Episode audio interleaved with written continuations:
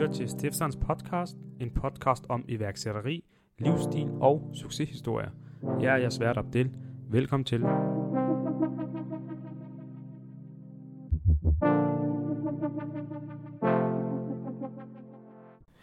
Dagens emne er, skal man have en fysisk butik, eller går det nok med at have det hele online?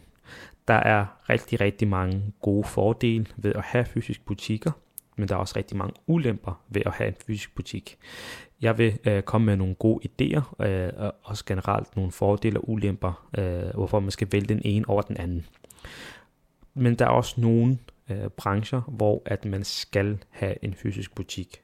Det kan blandt andet være, hvis du øh, gerne vil åbne en restaurant, hvis du er i øh, madbranchen, så går det måske ikke helt, hvis det er, at det hele det kører online, fordi at kunder, de vil også gerne have maden så kort tid som muligt, og helst noget godt. Derfor kan det ikke lade sig gøre, at du har din restaurant online, hvor folk de bestiller det, og så sender du. Det er selvfølgelig muligt, men så skal folk også helst have haft erfaring med restaurant, altså de har måske smagt pizzeriet, eller de har smagt på øh, pastaretten, eller whatever du sælger, så kan de godt bestille øh, via Wolt, eller nogle af de andre, Volt tror jeg det hedder, og, øh, og så de andre service, der er. Men generelt, hvis du er med i madbranchen, så skal du jo helst have en fysisk butik, for at komme ind og købe.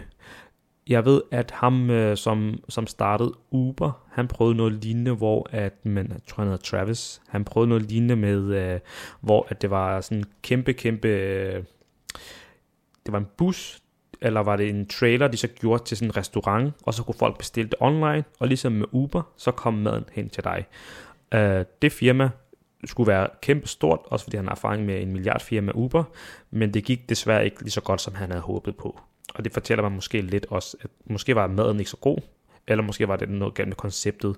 Folk vil gerne sidde og spise, og derfor er der en rigtig god idé i, i restaurantbranchen at have en fysisk butik.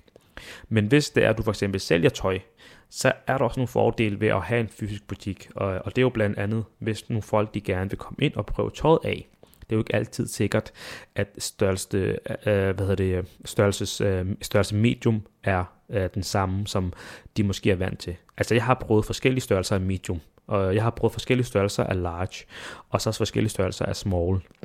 Og der er bare forskel, og det hele handler om øh, kvaliteten, materialerne, der bliver brugt til de forskellige, øh, hvad hedder det, forskellige tøj, og den ene medium kan godt virke som en large, men der står bare M, og så den anden large kan godt virke som en medium. Øhm, så det hele kommer an på, hvad for noget du sælger. Og for at ligesom fuldstændig ødelægge den der tvivl hos kunden, har de bestilt noget, der er for småt, eller har de bestilt noget, der er for stort, så er en fysisk butik bare drømmen. Fordi så kan folk komme ind, de kan prøve en medium, sige, den sidder lige i skabet, som om det var en skræddersyet til mig, og så køber de det, og så er der ikke længere, så er der ikke noget retur, og så risikerer du heller ikke, at kunden sender varen tilbage. Det er fordelen ved for eksempel at have en fysisk butik. Og en anden fysisk butik, det er jo også, at du behøver ikke som sådan, at uh, hvis du gerne vil, så kan du, men du behøver som sådan ikke at køre reklamer, fordi når folk, altså det er helt store, tænker jeg. Og grund til, at jeg nævner det, det er jo fordi, at når, hvis du for eksempel har en butik, hvor uh, beliggenhed er helt perfekt strået, altså lad os bare et drømmeeksempel, strået eller uh, Fields, um, fisketåret, en eller anden big store mall uh, center. Hvis du har der, så får du jo tusindvis af gratis reklamer, fordi folk kommer ind, og de, vil, de er nysgerrige, især danskere, de vil gerne komme ind og sige hej, de vil gerne prøve ting af, de vil gerne se, om de kan støtte. Danskere er fremragende folk til at støtte. Jeg har virkelig fundet ud af, at folk i Danmark er nummer et nærmest, når det kommer til at gerne vil hjælpe folk og gerne vil støtte. Iværksætteri er bare drøm her i Danmark, Lige hurtigt, hvis I ser den her på YouTube eller lytter med, så må I meget gerne subscribe og like. Og det samme gør sig gældende på Spotify. Hvis I lytter med på Spotify eller er på podcast, så må I meget gerne lige bedømme og følge. Jeg kører ingen reklamer, derfor vil jeg rigtig gerne ud til flere folk, så jeg kan dele min erfaring, men også generelt de gode råd, jeg kan komme med, og også dem, jeg får at vide, så jeg kan give det videre til jer. Tusind tak, fordi I gad at lytte med. Tilbage til showet. Det er også nødt til at være ærlig og sige, nu har jeg haft det her kørende i snart halvanden år, øhm, undskyld, lidt over halvanden år, og jeg kan bare se, hvor meget, det her det personlige erfaring, jeg kan bare se, hvor meget folk gerne vil hjælpe. De vil gerne hjælpe, de vil gerne gøre noget gratis for dig. De vil gerne dele det, du har. De vil gerne skrive eller generelt anmelde positiv feedback. Der er selvfølgelig, øh, hvad hedder det, alle mennesker, der er gode og dårlige ved, i alle lande, alle kulturer. Men jeg har bare fundet, jeg har en fantastisk erfaring med at have en butik her i Danmark, og jeg har en fantastisk erfaring med, at folk gerne vil hjælpe og se, om de kan gøre noget for dig. Øhm, og det er derfor, tror jeg også, at hvis du har en fysisk butik, så vil folk også gerne komme forbi og lige sige hej. Og danskere, de elsker noget, der er originalt. Øh, hvis I, øh, jeg ved ikke, om I kan huske det, men sidste år og året før, der var den her sag med, med en meget, meget kendt gut, som har kopieret øh, som har kopieret et, uh, et firma, der solgte sådan nogle tallerkener. Øh, jeg vil ikke lige nævne nogle navne, men til jer, som har set kontant på DR, så ved I godt, hvad jeg, hvad jeg mener. Der var den her sag med den her øh, kendte, kendt, øh, han er ikke influencer, men han, er, han har været i Godmorgen Danmark, og hvad har du? Og han kopierede jo øh, den her mindre virksomhed, deres øh, stil og måden, de har gjort tingene på, øh, med tallerkener og, og også, øh, hvad hedder det, kopper og hvad har du? Jeg tror faktisk kun, det var tallerkener, hvis jeg ikke tager fejl. Men danskerne, de valgte ikke at støtte den her kendte person, selvom han har været i tv, han er ekspert inden for, inden for mad, og han er ekspert inden for sundhed, tror jeg det var.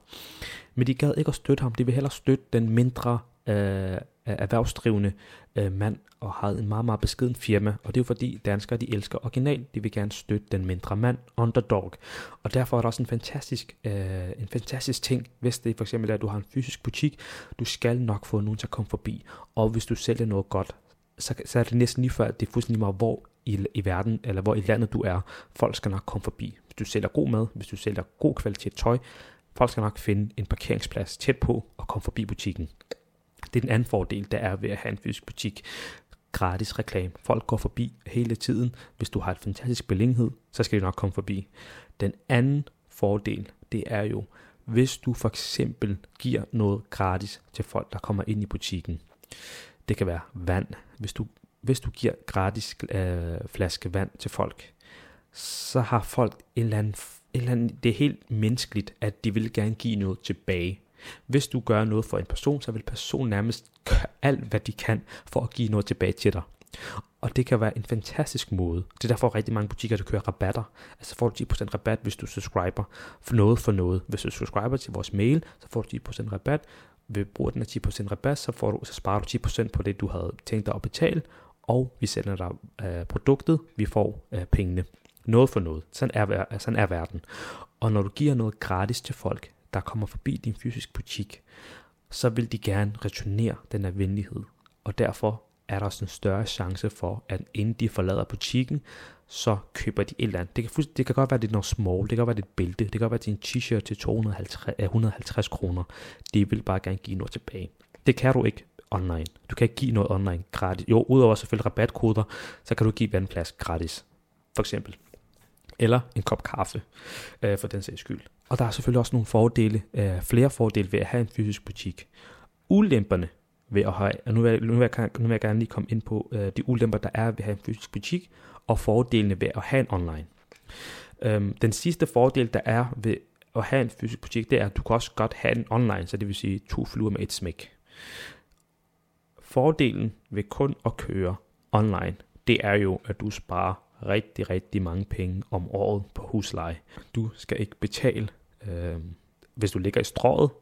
Øh, hvis du ligger på strået, så er det jo hvad, 40, 50, 60 1000 kroner om måneden alene på husleje. Glem at skulle betale medarbejder, glem at skulle betale skat for tøjet, øh, glem at skulle købe inventar. Alene huslejen skal du betale de der øh, 50-60.000 kroner øh, nærmest som minimum. Især hvis du, der er selvfølgelig forskel på, hvor, i, øh, hvor på strået du ligger. Hvis det er, du er i midten, hjertet af strået, ved vandfalden, øh, eller lige måske lige ved siden af øh, MACD, eller lige inden for indgangen ved 7-Eleven, eller rundtårnet, så kan du godt, øh, så, kan du, så er der en stor chance for, at du skal, du skal af med rigtig, rigtig mange penge, og, så, og det er ikke engang sikkert, at du får dem tilbage. Altså det er jo ikke sikkert, at du sælger, øh, men en ting er, at øh, udlejeren han skal have sine penge. Det, det, det, det kan du godt underskrive på. Det er den første ulempe. Det er, at du skal betale rigtig, rigtig mange penge til husleje. Det, det var fordelen ved at have en webshop, det er, du skal ikke betale en husleje.